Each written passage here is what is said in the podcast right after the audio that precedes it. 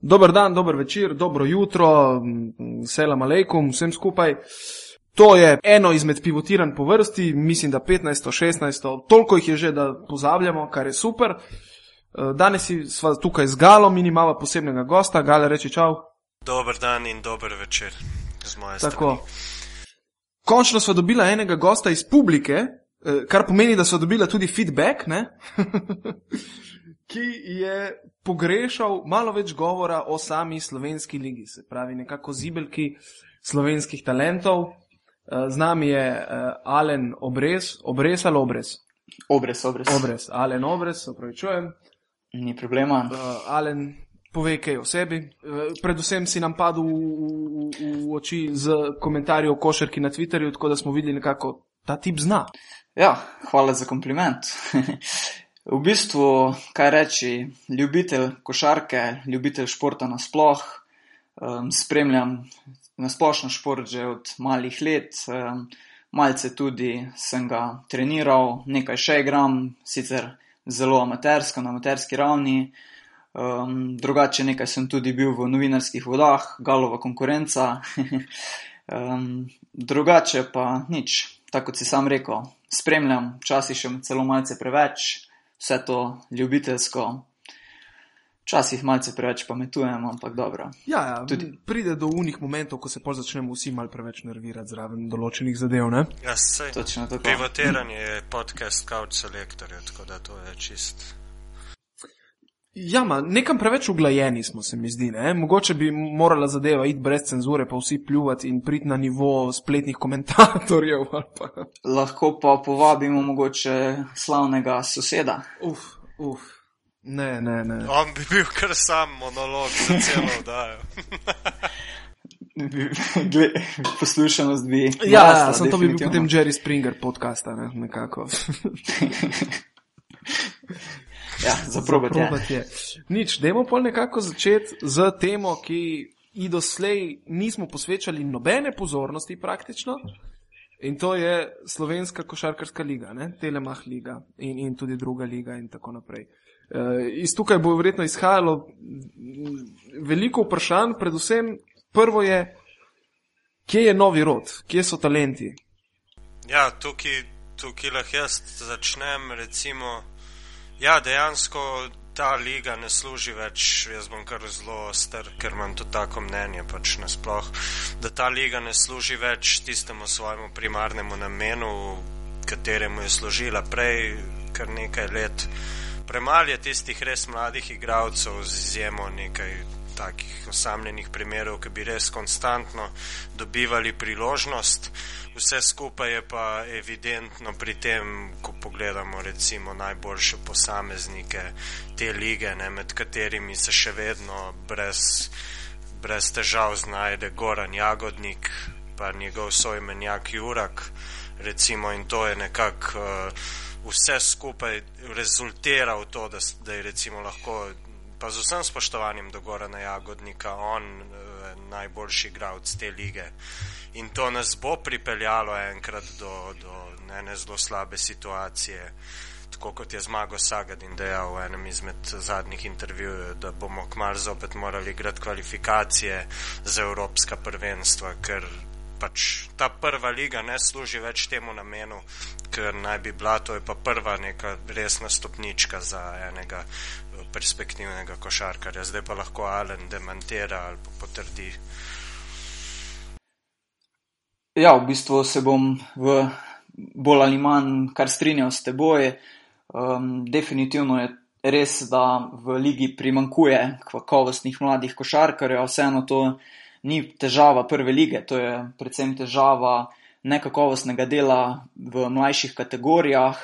Um, jaz velik problem vidim tudi v zmeraj večjem številu nekakovostnih tujcev, oziroma težko bi rekel nekakovostnih, ampak niso ti tujci tako velika dodana vrednost eh, ekipam, kot so bili nekoč v, čas, v časih. V 90-ih letih in tudi v začetku. Najprej v slovensko ligo, tako, ki je že igral v Krško, potem pa v Olimpijo. Ne? Krško, tako. Tako, tako. Nekdaj vemo, kakšni tujci so bili, pa ne samo on, tudi nekateri tujci iz nekdanje Jugoslavije, Mogoče bi tukaj izpostavil tudi Velika Petranoviča, ki je tudi zanimiv primer, ki demantira Galovo, Galovo, Galovo izjavo o slabih oziroma o, o star, starejših igravcih, ki navdušujejo v prvi ligi, če se ne motim. Je, Ja. Ja, tako, če se ne motim, je Petranovič do 47. leta v prvi ligi še navduševal. Seveda pa tudi primeri tukaj uh, legendarnega štajerskega ostrostrelca Matjaža Digla. Tovornika Digla. Ampak dobro, to, to so bili drugi časi, Digl bi še danes verjetno zadeval je to. 10 trojk. Če mu rečeš, da se ne, Se- ne rabi vračati v obrambo, on bi katapultiral, po mojem, še zdaj. Ne? Definitivno, definitivno, Bre, brez težav. On je bil res igralec, ki si je naložil desetkrat in je devetkrat zadeval, tako da bi, tako kot si sam rekel, še danes verjetno trgal mrežice nasprotnikov. Um, ja, kar se pa tiče um, ostale situacije v prvi slovenski košarkarski ligi, dejstvo je tudi, da so ti tujci nekateri pripeljani zgolj v slovensko ligo, da se izkažejo, so zgolj posledica, posledica nekih teženj njihovih menedžerjev, pridejo v slovensko Da ligo, tukaj se Ja. dobijo točno tako, točno tako, tukaj odigrajo konkretno minutažo, na njihov račun pa potem sedijo mladi igravci. Sam bi mogo, mogoče izpostavil tukaj Povzelo, ki je meni precej blizu. Um, v zadnjem času, kar malce žalosti, ogledam njihovo statistiko, vidim meni precej koristnega in precej talentiranega mladega igralca Vašla, ki je še lani eh, pred poškodbo navduševal, bil prvi njihov igralec, danes pa igra po 50 minut, na njegovem igralnem mestu pa seveda Američan, ki je danes prvi strelec lige. Ampak dobro, situacija je Tukaj pač se je sploh za vprašati, kaj te klubi hočejo s tem, ko pripeljajo enega, ne vem, recimo dobrega strelca. Ne? Je to dolgoročno, itak ne more biti kratkoročno, je pa lahko nek rezultat, ampak še vse ni to tak tujec, ki bo njih pripeljal recimo v polfinale, ne? kar bi bil nek uspeh. Tako da to je sam, Točno tako. ne vem, to je samo sebi namen. Nekaj, veš, kaj meni ni jasno uh, pri vsej tej zadevi, recimo, kot si rekel, samo sebi namen. V, v ABA ligo gresta dva slovenska kluba, sploh z, in tudi naslednje leto bo tako, ne? ker bomo najverjetneje Ja, izgubili koeficient z Bosanci. Uh, in, in to pomeni, realno sta tukaj Union Olimpija in Krka. Težko, da jim bo še kater klub pariral pri vstopu v Euroligo. Uh, Helios dvomim, ker mislim, da ima le, sicer fantastično delajo, sam bazen mm, ni tako širok, Ja, nekako tako preveč limitiran je njihov igralski kader, kljub temu, da je zelo mlada zasedba. Uh, ne vem. Se pravi, kaj je potem cilj vsem tem klubom? Priti v ligo za prvaka. Ok, priti v ligo za prvaka. In, in, in je čisto vseeno, ali si v tej ligi za prvaka tretji ali pa sedmi. Se motim, ne vem. Ja, ne, po moje ne. In, ne. in zakaj potem rabiš za to američana? Ali pa ne vem koga. Mislim, to, Točno to je tako. meni vse skupaj en velik absurd, no, ki, ki ga ne razumem. Najverjetneje bi tudi z, z izključno domačim kadrom, mogoče kakšna zmaga, dve manj, ampak vse na neko celo sezono. Bi se neka ekipa, ki pripelje enega američana, lahko nekako tudi brez njega pač uvrstila v to ligo za prvaka. Ali pa tudi, če se ne, sej nima veze praktično. Ne. Ne vem, koliko koliko američanov ima Sagadin? Ja. Nobenega, ne? Ja, nobenega. To je res. Um, vseeno, v bistvu, no, mislim, jaz se povsem strinjam z vama, tudi sam se večkrat sprašujem, kje, kje nekateri klubi vidijo, vidijo rezultate v tem, ko pripeljejo 4, 5, 6 tujcev in jim potem dajo konkretno minutažo, po drugi strani pa potem vsako leto trdijo, kako ni denarja, kako visoke so recimo prijavnine, sodniške takse, kako visoki so stroški, ko pa vedo, da bi lahko sami že znižali stroške na drugi strani s temi dragimi tujci, s tem, ko bi lahko ponudili priložnost dvema ali več mlajšim igralcem iz lastnega pogona in na tak način v bistvu mo- morda dosegli kakšno zmago manj. Ampak dolgoročno vsekakor bi bilo to pozitivno, ne samo za nje. Sam, ampak a tudi za so ti tujci res dragi, ali je to vse skupaj ena boranja? No? Ja, re, mislim, koliko so dragi, jaz ne vem, ampak definitivno Jaz ne poznam človeka, ki bi, ki bi prišel igrati v nek manjši slovenski kraj, recimo iz Amerike, in bi imel nižjo plačo od katerega koli domačega. Ne. Že tako, nekaj mu morajo dati, niso to zdaj milijoni, mm ampak še vedno jaz mislim, da je kar dva, trikratnik mogoče plače enega mladega domačega igralca ali pa štiri. Tako, ja. Definitivno je pa treba tukaj upoštevati še tudi, da večina teh tujcev ima na račun kluba urejen tudi nastanitev, tako da že na račun tega je kar konkreten strošek, ki ga sicer nekateri račun, eh, rešujejo s pomočjo sponzorjev, mm. ampak vseeno. Ja, ne vem. Ja, ne bi, jaz bi to podprl v primeru kakšnega kluba, ki je res vem, v začelju, pripelješ dva američana ki igrata atraktivno in se recimo v tistim manjšem kraju ljudi zbudijo za košarko, začnejo hoditi na tekme. V tem primeru mogoče ja, ampak tako pa ne vem. Je pa tole mal v začaranem krogu se vse skupaj vrti. Ni rezultata, ni mladih in potem ni praktično nič. Ne. Pa ne, da je zdaj liga kriva, vse skupaj je prineslo do tega, da pa tudi kot si že ti rekel, najc prej za Aba ligo praktično ni variante in klubi nekako itak nimajo neke naslednje stopnice in se potem tudi ambicije znižajo in dolgoročno potem tudi bazen. Zdaj, ko govorimo o Liheju, ko si omenil bazen, ali uh, tle ni problem samo članska košarka, verjetno. Uh, Če pogledamo Tako, rezultate slovenskih mladih reprezentanc, se pravi U21, U20, U18, U16, ne? kadeti igrajo v drugi diviziji, mladinci ja. igrajo v drugi diviziji. Ne? Ja. Nekako eh, derbi so nam tekme Tako. s kom? Z švedi, danci. Ne? Ja, počasi prihajamo na to raven.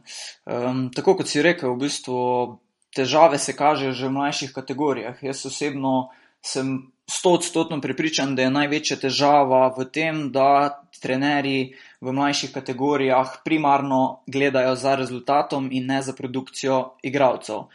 Um, kot primer, definitivno bi lahko navedel morda igralce, ki so pri recimo 12 letih. 1,90 m. Ja. Ne vem, 100, recimo 1,90 m in ga definitivno kam ga bomo postavili. Ja. Na center, je, direkt, ne? Recimo tako, gremo na centra, ok, ni problema s tem, če igra na centru, ampak marsikdo pri tem pozabi, da bi mu bilo treba tudi ucepiti motoriko in vse skupaj. Zapleja.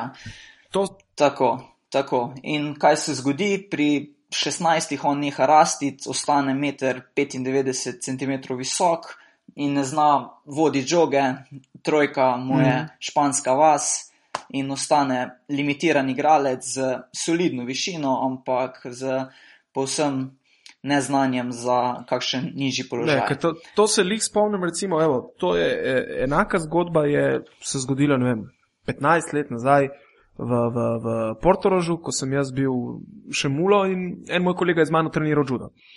Kmečki fant, tak, hrust, res, pri recimo kaj je on bil takrat.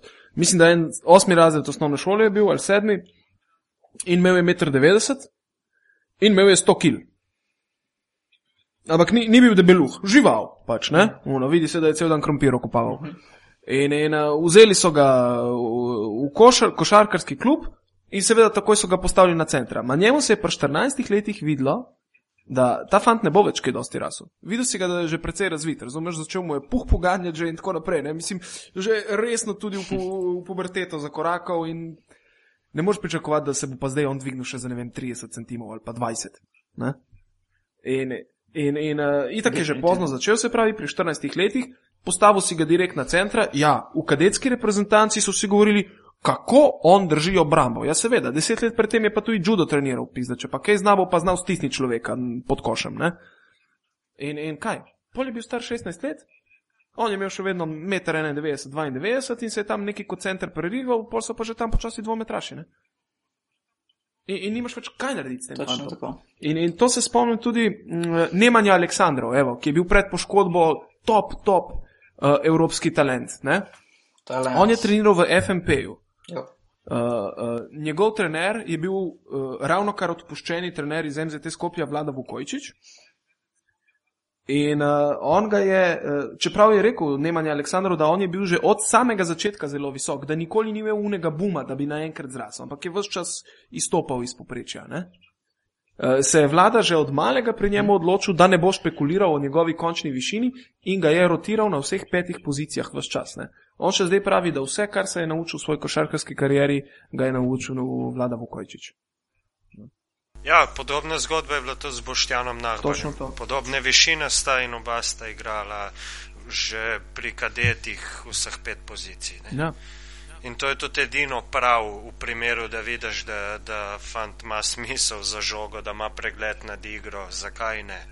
Se imaš dan danes tudi zelo dobre playmakerje z dvema metroma. Ja. Pa tudi, če ni playmaker, je pa zelo dosti bolj lucidno krilo, recimo. Le ne manj objelica. Ja, kot Definitivno. pa Ravno sem mi ga snel z jezika. Ne, Ja, jaz v bistvu, tako sem prej rekel, jaz mislim, da je glavna težava res v tem, da trenerji v mlajših kategorijah vidijo zgolj, zgolj tisti naslov državnega prvaka in za to ceno so pripravljeni tudi, morda grdo rečeno, uničiti kakšnega igralca s tem, da ga postavijo na pozicijo, ki dolgoročno za ni, ne, pri, ne predstavlja prihodnosti. tega je, ne vem, mislim, pa tudi se mi zdi, da že. Tle tudi mislim, da se ne motim, no? da jih s taktiko začnejo ful prehitro obremenjevati. ne. Uh, to sem se prejšnji teden pogovarjal lih z Acotom Lazarevičem, kjer je recimo Duda Jukovič je dal, prav še enkrat bom povdaril, uh, predlog, da se pick and roll ne igra do 17. leta. Ne? Da, da enostavno razvijajo druge, ker ti pri mulariji recimo zelo hitro jih navadiš osnovne pick and roll akcije, ki jo taka mularija zelo težko brani. In kaj si s tem naredil? Nič. Naredil si throttle kamero za doseganje koša. ja, v kalup, v kalup igravca samo eno Točno to, zna in ampak to je to. razvil mu pa nisi nič. Ne? Nisi mu razvil uh, uh, preigravanja n- in to je to. Pick and roll se zelo hitro nauči. Braniti ga Ja, je pa težje. Ne? Prepovedan je pressing, če se ne motim, to je. Uh, že tako, ker so imeli v preteklosti imeli ekipe, ki so to zelo dobro naštudirale. V kadetskih, recimo, konkurenci in dejansko niso prišli čez sredino nasprotniki. Ne. In potem so to prepovedali. Ja. Sploh kakšen slovan je znal igrati tak pressing po celem igrišču. Evo, Slovan, ko si omenil. Uh, uh, Alen, a, a je zdaj kakšen klub, recimo, ja. Ti imaš malo boljši pregled? Uh, Ja, ki, se, ki, ki lahko bi rekel, kar da povem. še vedno dobro dela, no? da, da je neki, da jih ne vržemo zdaj vse v en koš, slovenski klubi so pa. Ne? Konec koncev hočemo dobro slovenski koš. Ja, definitivno izjeme še obstajajo.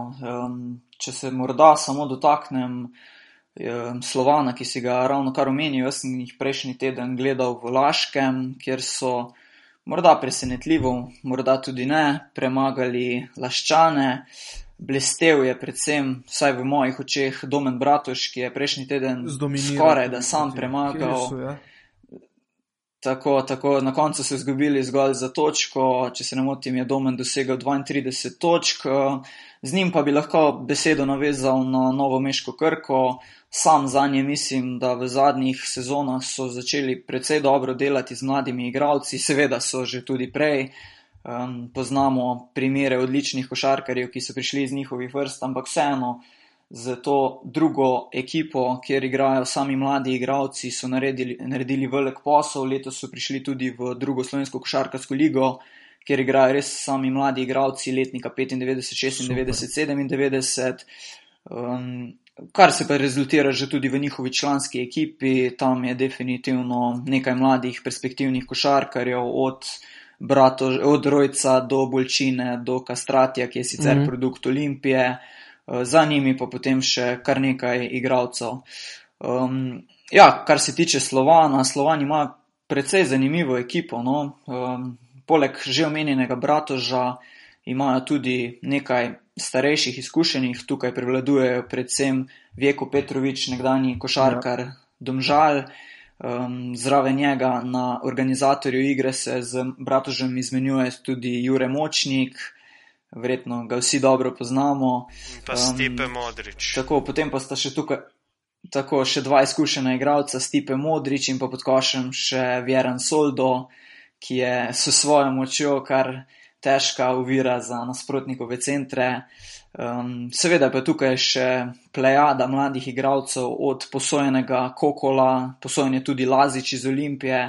Uh, ta dva igralca sta me v Laškem precej navduš navdušila, Kokol z meti z razdalje, mislim, da je dosegel štiri trojke iz petih metov in pa Lazic s svojo izjemno fizični, s izjemnimi fizičnimi predispozicijami. Um, tako da kot sem rekel, obstajajo še izjeme, seveda še tudi v drugih klubih, um, tako da morda prihodnost le ni tako negativna, kot ja, se zdi ja, na prvi pogled. Ja, Krko, ne, Krka je v zadnjih letih začela 16-17 letnike, recimo iz cele Slovenije, ne, vabiti v svoje vrste, rekrutirati z Rojcem ja. Bolčino in tudi z Ritlopom, če se ne motim. Tako. Ja, v bistvu ima kar nekaj igralcev takšnih, prišel je tudi Zupan iz Portoroža, morda ga ne, ne, ga ne poznaš.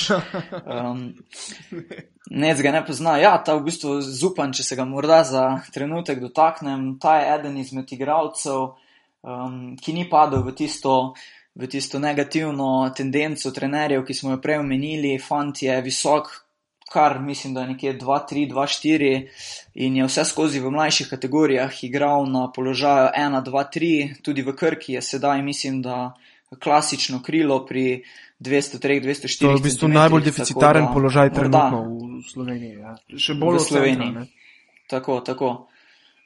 Tako, tako da On je tudi prišel pred eh, dvema sezonama v Krko, sedaj bo fant star, mislim, da 17-18 let, tako da pred njim je zagotovo še svetla karijera. Super. Kaj pa recimo uh, zmago to Helios? Jaz imam občutek nekako, da uh, recimo najbolj izstopa se mi zdi trenutno Matic Rebec. Ne? Za katerega se pa bojim, da se mu bo ponovila zgodba mogoče Luke Rupnika. E, ja, vsekakor. Um, konstitucija je nedvomno podobnja, podobna Lukovi, um, ampak vseeno mislim, da ima Matic tisten, tisti kanček ja, več predrznosti. Tudi, tako. Um, konec koncev se mi zdi tudi, da ima razmeroma boljši met z razdalje, kar je tudi eno njegovih glavnih orožij.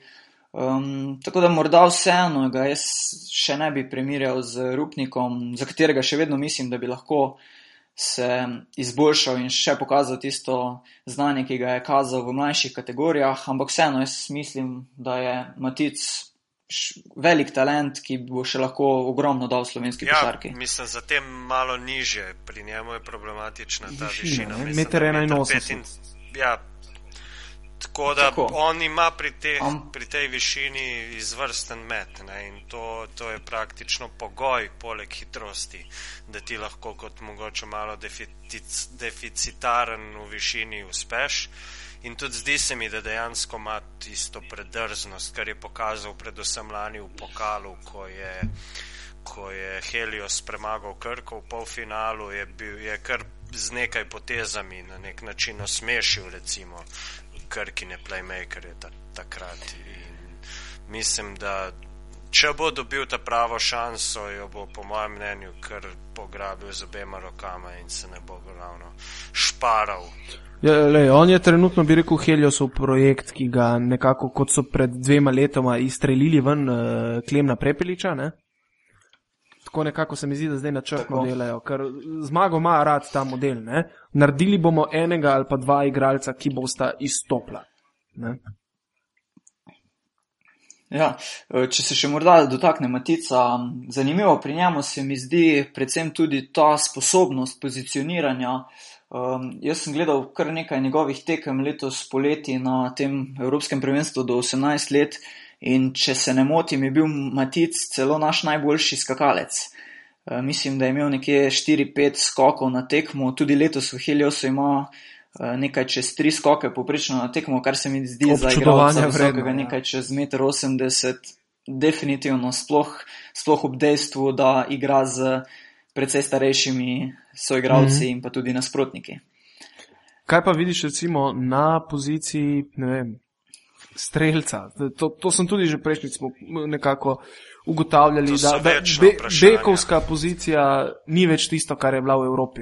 Tak, takih eh, eh, igralcev z jajci, kot so recimo ok, Navaro in tako naprej. Ampak če pogledamo slovenske razmere, se pravi, evo, Digel. Uh, uh, ok, Digel je bil pač Digel, eden izmed mnogih. Mislim, eden izmed eh, ne mnogih, bombar. Uh, eden na milijon bi rekel, ne? ampak ajde, Bečirovič. Ne? A, ali mu lahko prepelič Tako, mogoče sledi temu vzgledu, jaz tukaj dvomim. No? Ja, če že govorimo doma, po domače, igravci z jajci, sam bi mogoče tukaj izpostavil zlatorogovega lapornika. Miho, um, Miho Lapornika, da poudarimo, ni v sorodu z Luko Lapornikom, kot morda kdo misli. Uh, ja, fant v letošnji sezoni mislim, da krepko prvi igralec Zlatoroga, tudi tretji strelec lige, v povprečju nekje, 17, nekje tam med 17 in 18 točk, precej dober strelec z razdalje. Uh, fant lahko igra tudi pozicijo 1, pozicijo 3, mislim, da je visok nekje 1,95 m. Tako da na položaju 2 mislim, da je on trenutno prvo orožje slovenske lige, poleg seveda Heliosovega Gregorja Hrovata. Mm -hmm. No, super. Se pravi, kaj pa centri? Evo, jaz sem letos poleti gledal ene par tekem uh, uh, slovenske reprezentance na Evropskem prvenstvu do 21 let. Ne? Ta sta bila bolj. Do 20. Do 20 pardon, uh -huh. Ta sta bila Bolčina in uh, Dimec. Ne? Dimec se mi je zdel recimo Dimec, super, tako. svojo tehniko uh, sem na koncu, ko sem pa pogledal, je pa mogoče mu manjka še te čvrstine, ne? mal mehek je. Uh, ja, ko res Dimca poznam, v bistvu jaz ga že precej mm -hmm. dol, dolgo spremljam. Um, govorimo seveda o Žigi Dimcu, mlajšemu izmed bratov Dimec. Uh, jaz mislim, da njega čaka kar lepa prihodnost tudi. Fant je razmeroma pozno začel s košarko in, um, in je tudi sam po fizični moči je razmeroma močnejši od drugih mlajših centrov. Um, vsi pa vemo, da centri potrebujejo kakšno leto več za razvoj. Um, tako, tako, samo pogledajmo trenutno Bobija Marjanoviča, ki je praktično razcvet doživel šele letos pri, pomagajte tako, mi, 25 ja, letih. Tako. Um, tako da, ja, žiga je zanimiv igralec, zanimiv potencial za prihodnost, um, z svojimi centimetri, z svojo močjo bi znal biti kar, kar lepa rešitev za prihodnost. Um, sam bi poleg bolčine, ki ste ga že omenila, omenil še morda uh, Fifolta, Žiga Fifolt. Um, v bistvu on je lani še igral za Grosuplje kot posojen igralec Novomeške Krke, letos poleti pa je pred, prestopil v Estonsko ligo um, in sicer um, v Estoniji igra za Raplo, če se ne motim, eden izmed klubov in mislim, da je celo njihov prvi strelec, prvi skakalec in prvi igralec po valorizaciji. Mislim, da je tudi eden izmed top strelcev v estonski ligi. Um, fant je zanimiv igralec, zanimiv potencial, mislim, da je 94-letnik uh, z precej mehko roko za igralca te višine, um, zna zadeti tudi kakšno trojko, tako da na centru je definitivno tudi on zanimiva opcija. Prostora za, za njega ni bilo v Olimpiji, Krki, uh, uh, ne vem, Heliosu morda Ja, v bistvu, če se ne motim, imel žiga lani tudi nekaj težav s poškodbo v Grosuplu, ni pokazal vsega, kar zna, imel tudi nekaj konkurence, predvsem v Tratniku um, in še nekaterih igralcih, tako da tudi minutaža mu ni bila ravno naklonjena. Um, ampak vseeno, fant je še razmeroma mlad igralec in še ima ogromno možnosti. Zdaj ima 19 let. Pri njemu je pa res. Tako. Tako, tako. In res pri njemu mi je všeč ta med z razdalje, v bistvu visok fant, mislim, da je nekje 2,10 m, 2,11 m visok in lahko igra tako 4 kot tudi 5 m. Meni je edino to škoda, v bistvu, da tako mlad fant, bi rekel, tudi eden izmed deficitarnih igralcev, odide že tako zgodaj v tujino. Ne? Brez da bi dal uh, skozi eno šolo, bi rekel, ali, ali je to zmaga Sagadina, ali Aleksandra Džikiča, ali pa Aleša Pipana, nekako top treh trenerjev. Ne? Uh, Džikiča v bistvu štejem, zdaj že kar med slovenske trenerje. No? Tako, tako. Ja, morda je res malce škoda, da se ni ustavil vmes še v Krki, ampak vseeno Krka na njegovem položaju ima bolčino, um, potem je tudi še na položaju štirice Marko Pajič, seveda pa tudi še potem starejši no. Pajič praktično Kukič. ni v kadru, ne? zdaj je za voljo poškodb noter. Ja, zaradi ja, poškodb je noter. Ja. Se vrnil po poškodbi, tako. Tako, tako da vseeno mislim, da če ne bi že bila ta dva mlada igralca, bi morda žiga dobil letos priložnost. Ja. No, upajmo, ja. da mu uspe v tujini se razviti v, v, v, v nekega igralca, ampak še vedno nekako pričakujem, da se bo vrnil na eni določeni točki v Slovenijo uh, ali v Olimpijo ali karko nekako dopolniti ta svoj razvoj. No. Vsekakor, ja, vsekakor. Pa upajmo, da bo vse skupaj šlo mal navzgor. Magari za voljo slabših rezultatov nekem kratkoročnem obdobju.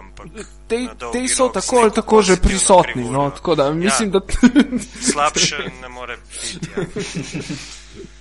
Pa lahko gremo prešaltamo mal na Euroligo. Smo že kar dolgi. Alen smo kaj pozabili še, je še kaj takega, kar si želel izpostaviti, pa smo mogoče te uh, zaobšli. Okay, Mislim, da zaenkrat ne. Gremo dalje. Ja, Euroliga, sedmo kolo, MVP Boštjan Nahbar, ki je, ki je prispeval ključen delež eh, ob veliki zmagi, moramo reči, Barcelone nad Fenerbahčejem. Barcelona je odlično odprla tekmo in tudi z, Nahbarjevimi zadetimi meti se nekako zelo hitro odlepila na zelo veliko prednost, ki pa je na to Bradovič s svojimi fanti povsem izničil, ampak na koncu je spet Barcelona pritisnila na plin. Tlele bi jaz predvsem. To je v bistvu najboljša tekma Boštjana Nahbarja z naskokom v letošnji sezoni. Absolutno, absolutno. Nekako je zablestev je v momentu, ja. ko, ko je ravno prav garabu. Od, od samega začetka je bil agresiven, napadal obroč, uh, si skušal ustvarjati položaje za med, skakal, res. Uh, šel je že v tekmo, tako da hoče pustiti nek pečat v njej in ga dejansko na koncu je.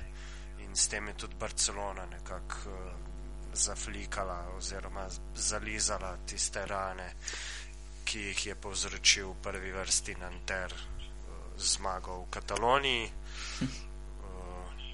Je pa Partizan nesrečno izgubil Nanteru in si kar priprl močno vrata v top 16. Če se vrnemo še malo na tole, Tako Barcelono, na Fenerbahče, oziroma vrnemo, veš. Uh, tlele mi je recimo najbolj zanimivo to, ker je nekako Čavi Pasqual zelo dobro pokazal na šibke točke v Fenerbahčeju in to je predvsem tokrat bila globinska igra. Uh, Barcelona je to tekmo dobila, se mi zdi, v raketi. Ja. Dobili so se mi zdi in skok, če se ne motim, in, in uh, mislim, da so okoli ja, 45 odstotkov točk dosegli dobesedno pod košem. Ja, ne? skok je bil 41 proti 25, v korist Barcelona. Ja, da, ja. In, uh, in uh, še ena zanimivost je bila tle, uh, Luka Žorič ni imel svojega dne. Ne? Ja, minus 14 indeks, to bi tudi jaz izpostavil. Mislim, da je to rekord. Je, je, je, je, je. rekord v negativnem indeksu. Ja, dobro, mislim, če pustimo indeksacijo, ampak res mu ni šlo. Karkoli je vrgu, uh, je šlo mimo, šest žog je uspel zgubiti, naredil štiri faule, tudi uh, Obradovič. Je, bi rekel, precej zanimivo z grimasami spremljal vso to zadevo. No. Uh, Ampak tekma sama po sebi se mi je pa zdela prav ena lepa košarkarska klinika. No. Je... Ja, v bistvu je bilo zelo napale, sta bila dokaj razpoložena, oba videli smo veliko šov, veliko uh, raznovrstnih potez uh, od prodorov, trojk. Tako da ja, je bila kar uh, tako zanimiva tekma, čeprav na začetku ni nakazala. Ne. Ja, zdaj, uh, povej, ja. Alen, proti, prekinil sem te. Um, ja, v bistvu, kar se pa meni zdelo predvsem zanimivo pri tej tekmi, je pa ogromno število igralcev z balkanskega mm -hmm. bazena, vse le rad se le rad spremljam tekme Eurolige, ker so nosilci naši, po domači povedano, igravci na tej tekmi res na obeh straneh ogromno igravcev z tega bazena igralcev na eni strani res od Bokija do Ante Tomiča, potem tudi He Hežonja in pa Todorovič, potem pa pri Fenerju pa seveda naš Gape in pa seveda tudi Preldžič, pa Bogdanovič, Zorič in še, še, Marsi, še koga bi lahko našli. Tako, pa, pa še, pa še beli. Dejansko se je že zgodilo v tej sezoni, da je Obradovič začel s povsem jugo Peterko. Mm -hmm. Tudi Kenan Sipahi. Tako korenine tukaj le bolj na našem področju. Čakaj, kaj on je iz Sanđaka ali je uh, iz Bosne, ki je na Cipahi, mislim, ne, bil? Mis, ali njegov oče? Iz Kosova. Aha, iz Kosova. Okay. Ne, to, ker vem, da ogromno, recimo, turških reprezentantov je ali s poreklom iz Sanđaka, se pravi vzhodnega dela Srbije, kjer še zdaj živi turška manjšina, ne? Ali pa iz, iz Bosne. Recimo Sanđaklija je tale, uh, Hedo Turkoglu, ne? Ja. Uh, pa Semi Herden, ja. pa še ne parih je, ne? Tako. Pa mir za Turkan. Tudi on je iz v bistvu, Tako, novega pazarja, če se ne motim, kot Mir, Mir Satjahovič. On je v bistvu edini ja. turški igralec, ki je osvojil Euroligo. Še to drži? Hm, Gale. Tukaj sem pa bos. On vem, da je zmagal z uh, Panathinaikosom, ne? ko je Željko Bradovič bil trener, če se ne motim. Povsem možno. Povsem možno. Mi, in mislim, da je še vedno možno. edini turški igralec z Lovoriko Eurolige. Tole bomo še raziskali, ampak mogoče bi Miha Penko kaj vedel, ampak on ima danes delo.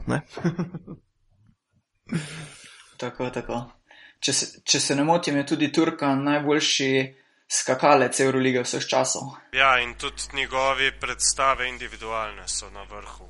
Ima nekaj, mislim, da ima rekord po številu skokov na eni tekmi. In pa njegov indeks je tudi nek v vrhu. Mislim, da med top 5 bi moral biti. Med top 5, ne? Ok, dajmo, dajmo zdaj Recimo. še mal preskočiti naprej, se pravi, pogleda dva naša aba ligaša.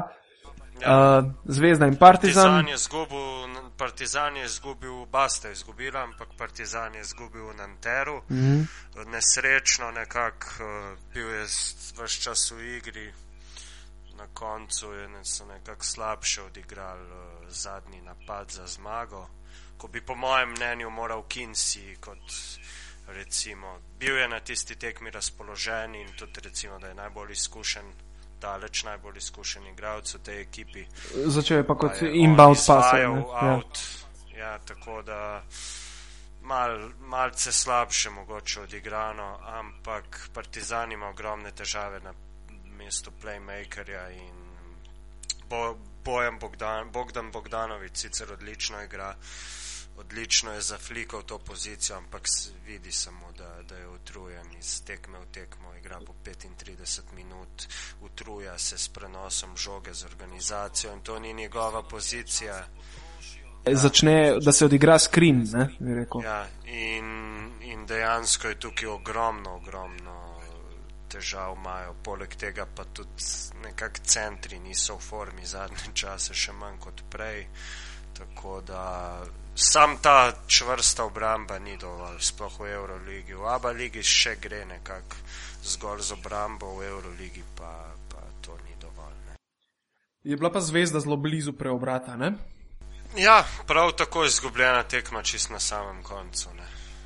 In zvezda si je tudi zelo priprla vrata v napredovanje s tem porazom. Tako da, nažalost, kot kaže, bo Abu Leiga ostala brez uh, predstavnikov v top 16 Euroligi. E, to mislim, da že tretje leto zapored. Če ja, se je letos uresniči. Točno tako. Ja. S tem, da lani je bila Olimpija najboljša s tremi zmagami, če mm. se mhm. ne motim. Tako je. Ja. Letos bomo pa še videli, kako bo. Ja, zvezda je imela ogromno težav s Korcenitisom, 22 točk v 16 minutah poigral se je dejansko z njimi. če ti en skorca niti zdela toliko problemov, boš težko tekmo zmagal. Ja, to se spomnim že iz tekme za tretje mesto na Evropskem Grčijo. 2009. Ne? Ja. Ja, s tem, da takrat je še šotoril v raketi, poleg vsega. In dejansko bi mu lahko pisali, piskali vsaj petkrat, tri sekunde, pa nekako niso. Ne. Sekunde, Jure korake in ja. Faule. V bistvu je on delal takrat, kar je hotel tam noter. Ja, ne. Jure Zdovc še, še zmeraj z grenkobo spominja tiste tekme. Ne. Ja. Vedno znova omenja. Prav s srdom. uh, okay. Ja, tako, ko smo že pri trenerjih, lahko kar zdaj hitro, ko smo ravno zdovca omenili, uh, je prevzel klub v Turčiji. Mogoče za marsikoga nižje rangiran klub, kot bi pričakovali za trenerja njegovega kova oziroma za nekakšno ime, ki si ga je naredil v zadnjih sezonah. Ne vem, kaj vidva mislite. Jaz mislim, da je boljše, da se dela, kot da se ne dela. Ne? To vsekakor. In po drugi strani pa verjamem, da ponudbe niso ravno doživele. Euroligaši nekako imajo vsi svoje trenerje, ni bilo nekih odpuščanj v Euroligi. Sergio Scariolo ni dobil odpovedi. ne. Dober je Sergio. Mislim, treba je priznati Sergio Scariolo, ne? da, da Dobro pluje. Neverjetno Temu dobro torej. pluje, mislim, letos eh, boljše vodi to uh, uh, kučo laboral, ta ceramiko, karkoli že je, kot uh, prejšnji dve leti Milano. Ne? Uh, kar pomeni eno stvar, da njemu ne smeš dati preveč stvari na izbiro, ker pol začne komplicirati. ne. Daj mu čim manj in naj se s tem znajde, se mi zdi. Po, po drugi strani pa ne vem, ali ima tako fantastičnega menedžerja ali neki, zato ker te pogodbe on uspe praktično oddelati do konca. Ne? Ja, skoraj skor ni redko kdaj. Himki ga je nogo. edini vrgel, ampak to Ja. so pač Rusi, ni imel vseeno. Ne? Ja. Ja, ni, ni problemov. Ja. Odškodninske klauzule plačati. Ja, drugače pa zdovc sem zelo vesel, da je dobil aranžma v tujini, seveda pa upam, da ne za ceno vodenja naše reprezentance, on še vedno ostaja moja skrita želja, oziroma ne skrita, moja prva želja, odkrita želja za naslednika Boža Ja, to, to, Markoviča. to je kar želja večine ljudi iz košarke in tudi iz ulice, če lahko tako rečemo. Je pa vprašanje zdaj. Kaj jaz sem iz košarke ali iz ulice? Pa tebe štejem nekje na pol. Kolebaš. Iz ulične košarke. košarke. Uh, moja želja je drugače zmago Sagadin. Ja. No, tako da ja, ampak je pa dejansko vprašanje, če se bo sporedno lotil tega, ker bi se potem sam sebe demantiral na nek način. V bistvu se je že, ker je dejal, da ga še vedno reprezentanca zanima. Ne? In, in konec koncev je mogoče ravno zaradi tega tale turški klub, kako že Gazintrep, uh, Gaziante. Gaziantep, hvala. Uh, najboljša rešitev, ker ne igra praktično uh, še nekih resnih evropskih tekmovanj. Točno to, in to sta obe tekmovanji, ki začneta malo kasneje in, in se manj pozna njegov pozen prihod uh, uh, v klub, kot bi se to recimo, ne vem, v Olimpiji. Ti končaš z reprezentanco in čez deset dni imaš prvo tekmo v ABA ligi. Ne? In, in, in, od- in odigraš v, v osmih dnevih tri tekme, in potem, recimo, takrat v njegovem primeru, ko je še Olimpija igrala Euroligo, se je začela Euroliga. Ne? In on je vrnil se z Evropskega prvenstva in bil dejansko vržen v mlin tekem. Ne? In to se mu je tudi poznalo po tisti sezoni, kjer je tudi imel sicer selekcijo igralcev, mogoče ravno zaradi selektorskega dela bolj površno. Ne? In, in se mu je to potem nekako vrnilo na pozitivno, hvala Bogu, naslednje leto, ko ni več bil selektor in, in je imel več časa tudi pri sami izbiri ekipe in pri treningu. Ne? Ja, čeprav to, to priključevanje ekipi, pa če je nekdo še selektor zraven, to po mojem mnenju se samo, kadar potem rezultati uh, niso dobri omenja. Drugače, kolikor kolik se jaz pogovarjam in s pomočniki in s trenerji, vsi pravijo, da pač pomočnik mora znati, zato je pripeljan, da v tistem času nadomesti in tudi moral bi ga. Zdaj pa, če, če rezultati so nekako v skladu s pričakovanji, se tega sploh ne omenja, ne? če pa niso, se pa mogoče začne potem eh, iskati razloge ja. v tem. Jaske Repeša ni imel nobenih težav, recimo s CD-vito, pa je Ja. prv prevzel direkt iz, iz Evropskega prvenstva. Ne? Ja, to samo, če, če pač ne pride do dobrih rezultatov, oziroma pod pričakovanji se potem to omenja kot enega izmed razlogov. Mhm. No, uh, Aba liga. trener, Aba ki je liga, pa to. dobil službo, je pa Zoran Martič. Ne bo več je komentiral. nasledil. Ja, mislim, jaz mu zelo želim dobro sezono in vsem, pa ga bomo vsi pogrešali, seveda, kot uh, strokovnega komentatorja. Uh, nasledil je vlado Vukovičiča v Skopju, pogodbo je podpisal do konca te sezone. Uh, MZT je praktično že, v bistvu je že odpisan iz Eurocapa, tako da se bo lahko skoncentriral na Aba ligo, v kateri vsi verjetno želijo mal popraviti, popraviti tole eh, začetno situacijo. Ja, la, sicer ni preslaba, si pa mogoče želijo česa več, vsaj za kakšno mesto ali dva, da se dvignejo. lažje delo bo imel kot vlada Vukojčič, definitivno. Ne? Ja, dejansko. Z eno tekmo na teden Aba. lahko nekako boljše pripraviš tako veteransko ekipo. Ne? Ja, brez dvoma. Pa tudi samih, verjetno, mislim, sem prepričan, da jih dosti dobro pozna in bomo videli, kako se bo tole izteklo vse skupaj. Skratka, dejstvo je, da nas imajo Makedonci radi. Ne? Že ja. Drugi slovenski trener v zadnjih dveh letih, plus Mm, selektor. Ne? In zelo pohvalno je, da te trenerji nekako dobijo neko službo, da začnejo delati. Ne. Jaz pogrešam recimo Toma Mahoriča v košarki. Ja, kaj on zdaj počne? Ja, dejansko, kolikor jaz vem, se ukvarja z drugimi stvarmi trenutno in je povsem odpisal košarko. Ne. Neverjetno. Tako da, tako da na kršni tekmi ga vidimo kdaj, ampak ni pa, vem, ni pa več tako neposredno povezan, kot je bil do zadnjega angažmaja. Se pa tudi on, recimo, da zdaj omenja v, v željah nekaterih, da bi prevzel mesto selektorja. Ja, nekako škoda je, da, da trener ni v pogonu, da ne dela če tudi za voljo recimo nekakšnega kluba z manjšim renomejem, po mojem mnenju bi moral vsak sprejeti, če pač ne dobi, kar je v njegovih, ker, ker si želi, pač greš stopničko nižje, če tam ni še eno nižje.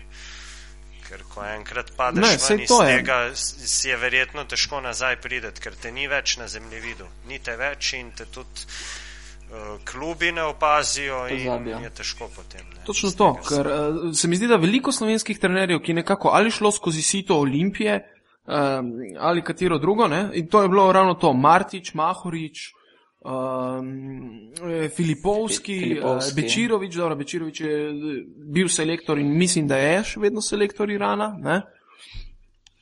Tako. Gašper dobro. Okorn tudi, ki zdaj se svojo ekipo navdušuje. Tako, Poljskem, zdaj, se v zadnjih dveh tednih sta Gašper in, in Zoran podpisala, ne? ampak predtem smo imeli nekako pet od na, naših nekih, bi rekel, ker spet nimamo tako velikega bazena mednarodnih trenerjev, ki, ki imajo neke mednarodne izkušnje. Ne? In, in večina njih je bila brez dela. Noben pa ni razmišljal, mogoče, da bi se vrnil v slovensko ligo, razen zmaga Sagadina, za kar mu dam dol klobuk. Ne? Pa mnogi bi rekli, da je za zmaga Sagadina vodenje Heliosa v slovenski ligi mogoče celo degradacija. Ne? Uh, pa je, ja. Se je brez problemov prevzel to delo in, in, in, in to z, z bazenom, ne ravno bi rekel, zdaj top, top talentov dela. Ne? Ja, in to, to, to je dobro. Ne? To je brez dvoma je to in za, in za vse, ki delajo z njim, in za njega samega. Imel je jajca, da zastavi svoje Za- ime. Jaz mislim, da gre tukaj bolj za to. Ne vem, Alen, imaš kakšno drugačno mnenje? Ne, se povsem strinjam. Res lepo bi bilo videti te trenerje, ki sta jih omenila v kakšnem slovenskem klubu. Konc koncev, tako je Gal rekel, zadeva bi bila pozitivna za vse akterje, kot za njih same, kot tudi za klube oziroma igralce, s katerimi. Kaj Sale delali. Dončić je še trener? Zdaj sem se jih spomnil na njega. Ne, kolikor jaz vem, ne. Ne, V mislim, Škofijo Loko se je razšel in od takrat naprej, kolikor jaz vem, nima angažmaja, ima pa toliko več dela z opazovanjem svojega sina, ki v zadnjih tednih spet uh, blesti, pojavljajo se razne videi zabijanja in tako In, naprej. in, in, in, in govorice. tudi ne. Ja, vmes se je pa že ogrela španska zveza, ki ga želi nekako, ki si želi, da bi on zaigral za špansko kadetsko reprezentanco.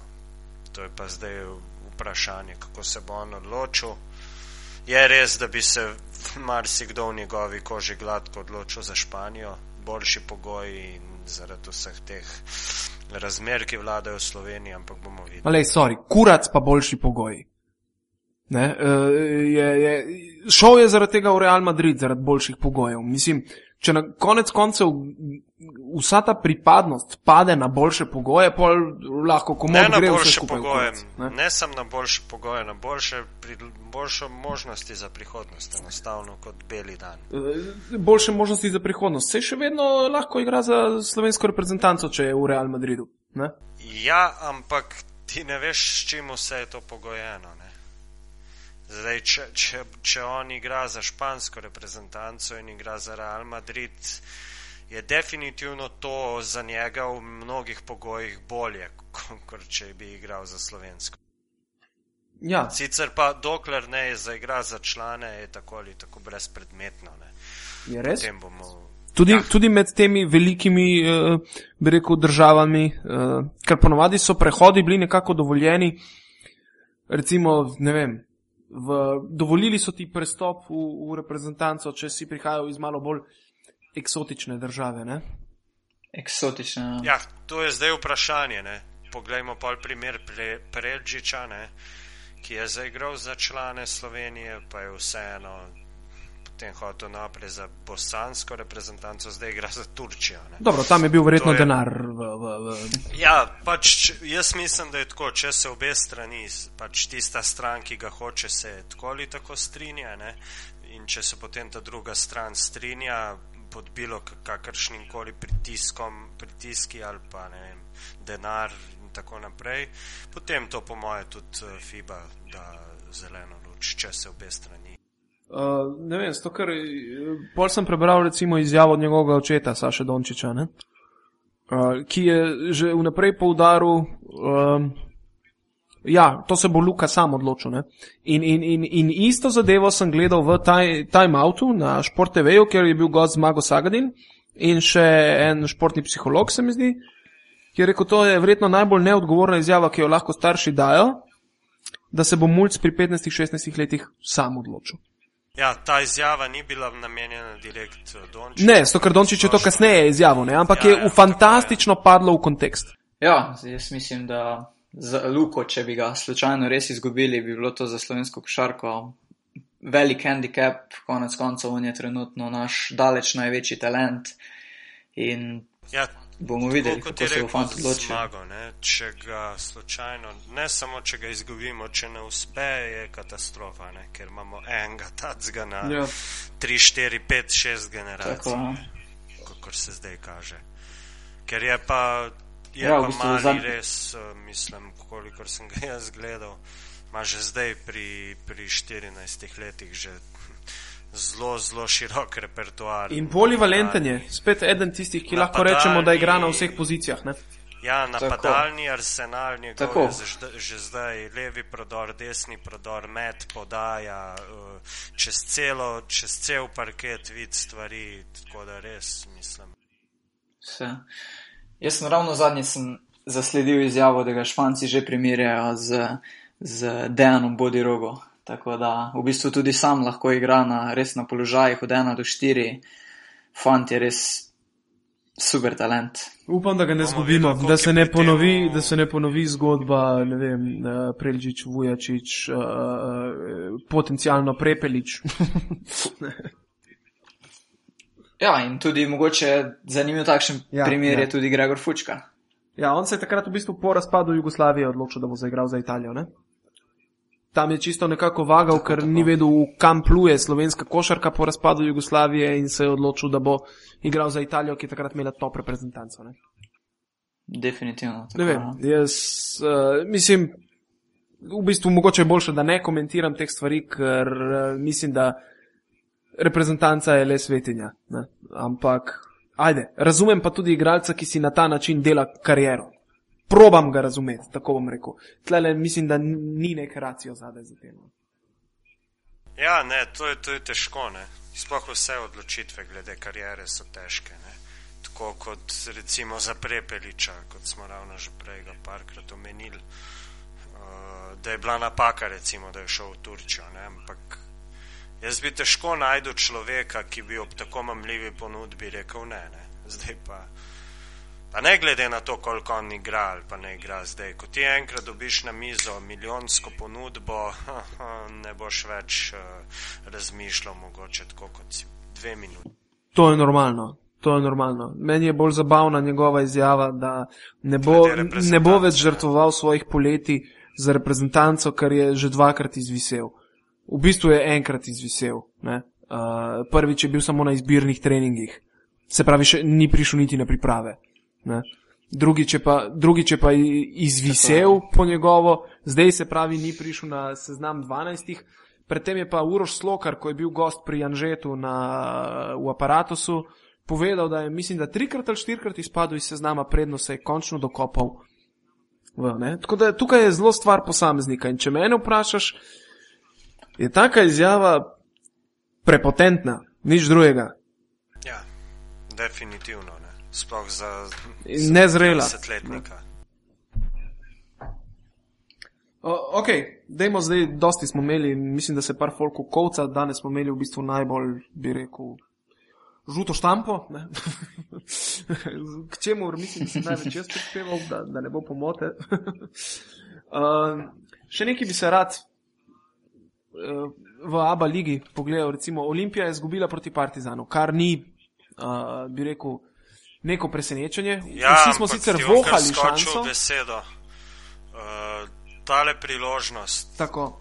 je bila največja do zdaj, po mojem, kar je spremljal Maba Ligo in točno to mi je danes rekel Joksa, ko sem se pogovarjal, mm -hmm. sem bil namreč na treningu. Uh, je rekel, da tako zrelega partizana za poraz, pa on igra Abaligo že kar nekaj časa za več klubov, že dolgo ni bilo. Ja, ja, ja. tudi jaz Dejansko sem vohal šanso že pred ja, tekmo. Ne, ne samo zaradi samega poraza, ampak boli predvsem zato, ker niso izkoristili uh, in dobrega začetka v tekmo, ker tekmo so odprli praktično fantastično. 12-2 je bil rezultat, mm -hmm. pionier je bil tih. Eh, domačim ni šlo nič od rok, potem so pa pustili, da se razigra Bogdanovič, eh, da se nekako mali partizan pritisnil na sodnike, mogoče en ali pa dve sumljivi odločitvi. Kaj, a Pionir, to je bilo nepričakovano? ja. Mislim, samo dejansko so iz odličnega začetka potem nekako dovolili, ja, in na koncu je partizan nekako rutinirano to do konca prepelal. Olimpija se lahko malo po glavi potoče za to izgubljeno priložnost. Ne. Se je pa ob enem praktično že uvrstila v, top, v naslednjo fazo top 32, se mi zdi, uh, Eurocapa. Ne? Ja, praktično je. Ja. V bistvu samo v primeru treh porazov in treh zmag uh, Asvela. Tukaj bi vaju jaz zdaj vprašal za smotrnost te zadeve. Uh, koliko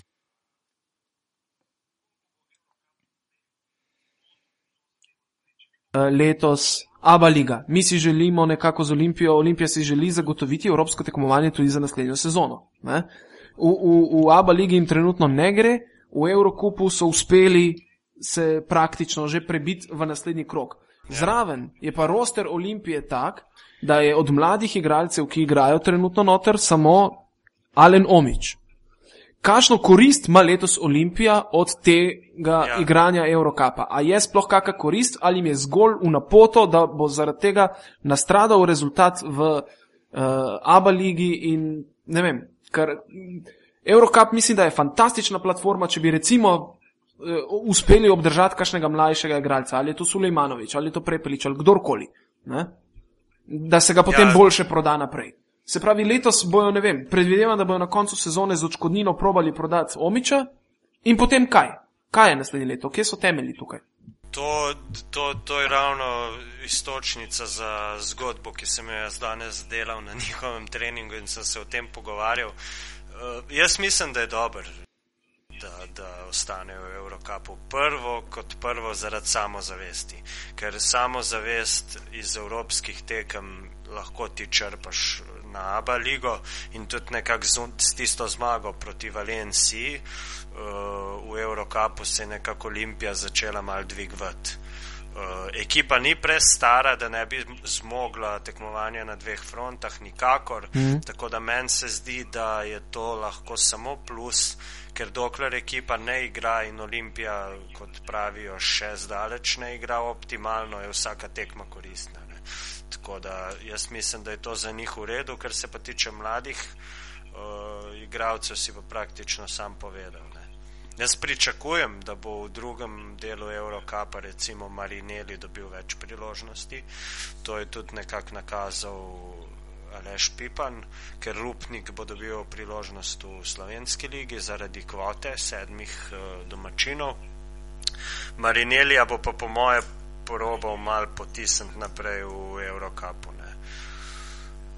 Tako da meni se zdi, da je to v redu. No. To je... Jaz mislim, da ne bi smel biti sploh normativ uvrstitev v četrt finale zdaj, eh, Eurocap ali pač v ne. Zdaj so se pravi prišli med top 32 in tukaj rezultat več ni pomemben, ampak je pomembno ne. razigravanje. Tako da mislim, da bi moral tudi Tako. Rupnik dobiti priložnost, če ga niso že ocenili mogoče kot material, ki ni za Olimpijo. To pa ne vem. Ne? Definitivno tukaj iz tekme v tekmo praktično se lahko dobesedno igrajo. Zdaj, glih kakšne blamaže si verjeten eh, ne želijo. Kot jo je Asvel doživel proti Olimpiji, ne? to so ja, jih pa na prav faktorje razmontirali. Ja, tak, tako slabe tekme ne ene ekipe nisem videl od Varezeja, Italiji pa potem tri leta, odkar spremljam pa spremljam dosti tekem, pa tako slabih tekem dveh nasprotnikov, kot sta bila ta dva, še nisem videl. Uh, drugač pa ja, definitivno, po mojem mnenju je to zelo dobra stvar. Več tekem, tekme z močnejšimi nasprotniki, čeprav te nasprotniki mnogi z levo roko jemljajo Eurocap, ampak zdaj se priključijo še Euroligaši, ki bojo tudi na nek način reševali evropsko sezono in po mojem mnenju zna biti kar zanimivo ni to nobeno breme, da bi zaradi tega bili v Abu Leiji slabši rezultati. Ekipa je mlada, relativno rabijo tekme, iz katerih lahko črpajo samozavest in mislim, da je to lahko sam pozitiv. Alen, Ja, jaz v bistvu se kar strinjam z Galom. Jaz mislim, da Eurocop eh, je neko tekmovanje, ker so razmeroma močni klubi, tudi veliko takšnih klubov, ki bi danes lahko imeli dve, tri zmage v Euroligi. Tako da konec koncev težke tekme vedno prav pridejo, pa če tudi recimo samo za enega izmed slovenskih mladih igralcev. Vseeno sem pripričan, da je to pozitivna odločitev, tako da upam, da bomo Evropo gledali tudi v prihodnje. Ja, to, to je treba že počasi postajati veren in začeti moliti. ja, vsekakor pa res bi pa mogoče se strinjal tudi s tabo, Nec, da rezultat v Evropu ne bi smel biti primaren, ampak vseeno bi se mogli osredotočiti na Abu Leigo, ker konec koncev danes ti Eurocup oziroma katerega izmed evropskih pokalov prinaša mm. zgolj Abu Leiga. No, še par besed o Krki, pa zaključimo potem. Uh, Crvena zvezda je bila boljša v novem mestu, ker smo nekako pričakovali, ne glede na to, da je Crvena zvezda prišla utrujena in nekako demoralizirana. Ne? Ja. Ampak vseeno je nekako tale kvaliteta posameznikov na koncu preseg, prevesla tehnico na njihovo stran, predvsem na mesto organizatorje igre. Tako kot ima Partizan recimo težave, tako kot jih je imela Olimpija, jih ima zdaj Krka in uh, Demarcus Nelson je praktično zdominiral vse, kar je odigral. Pet ukradenih žog, osem podaj in 14 točk, tako da Mislim, da upam, si želim, da bi Krka čim prej pripeljala tistega organizatorja igre, ker brez le tega bo bilo katero ekipo težko premagati v Abali. Vsekakor, ja. V bistvu res dobro. Rojc, moram priznati, da letos je naredil korak dalje, ampak vseeno ni on tisto glavno orožje, ki bi lahko krki prenaš, serijsko prinašalo zmago na položaj organizatorja igre. Uh, tako da Džile je že dejal, da pospešeno iščejo igralce, ki bi potem z njimi ostal tudi do konca. Vem, da so sezone. celo Ja. pogledovali v razvojno ligo, ne? sam naj bi bile odkupne klauzule za krko previsoke, pa so se niso odločili za ta korak. Ne? Tako, tako. Ja. Bi pa še morda pri tej tekmi res izpostavil uh, bolčino, če se malce navežemo mm -hmm. na Mhm. temo, ki smo jo prej obdelali. Um, v bistvu fant je začel tekmo precej pogumno, odprl tekmo proti krepko, krepko višjemu Bobiju Marjanoviču. Mislim, da mu na začetku celo dal štiri točke, ja. Ja. prve točke za Krko, če se, če se Ja, ne ja. motim, tako bo Gal potrdil. Um, tako da v bistvu me je presenetil prvič, da je res dobil konkretno minutažo, vsekakor to posledica tudi nekaterih poškodb pri Krki, ampak mislim, da si bo s trdim delom na treningih pridobil zaupanje Žileta in se še lahko nadejamo, kakšne njegove dobre Super. predstave. Ja, dobesedno je, če se ne motim, je dal koš 20 pod koša, zadev en ali dva meta iz razdalje, kjer Marjanovič razdalje, težko tako, krije. tako. Ne, in tako da ja, jaz mi upam, da bo odigral je 15 minut, jaz upam, da bo ta minutaža rasla do neke 20 minut, bi si kar zaslužil, recimo, nekako povprečno. Pokazal iz kakšnega testa je. Ne. Je pa dejansko, ja, Krk, pri Krki tudi ni igral Edo Murič, kar je tudi zelo velik handicap. Mm. In zdaj ima dejansko Krka podobne probleme, kot jih je imela Olimpija. Ne. Ja. S tem, da je Krka nekako zvlekla tisto zmago v Pecari, ki sicer nismo videli, ker niso delali TV produkcije, ampak tista zmaga je bila krvavo pomembna. Ne. Mm. Ob uh, zdajšnjem pogledu na lestvico bi bili zmago manj praktično skoraj da na dnu. Še Pri bo še enem slovenskem klubu. Ne? Ja, bo skoraj nemogoče že zdaj uh, ujet uh, bo, oba bosanska kluba. Mm. Ja, to mislim, da smo pokrili več, kar večji del stvari, ki smo si jih zadali. Ne? Za Hajdija še preveč. Drži. Zakaj je še preveč? Ja, uf, prejšnji teden smo imeli burno debato na Twitterju. Je, je, Ja. ja, joj se je že prav i- iskrila zadeva, eh, tako da smo morala potem zgladiti stvari še v osebnem razgovoru po Skypu. No. No, zdaj je spet dubo omembo, pa bo mogoče malo bolj prizanesljiv s kritikami. ah, je pa on, pa ne prizanaša s kritikami, nikoli, daj, lepo te prosim.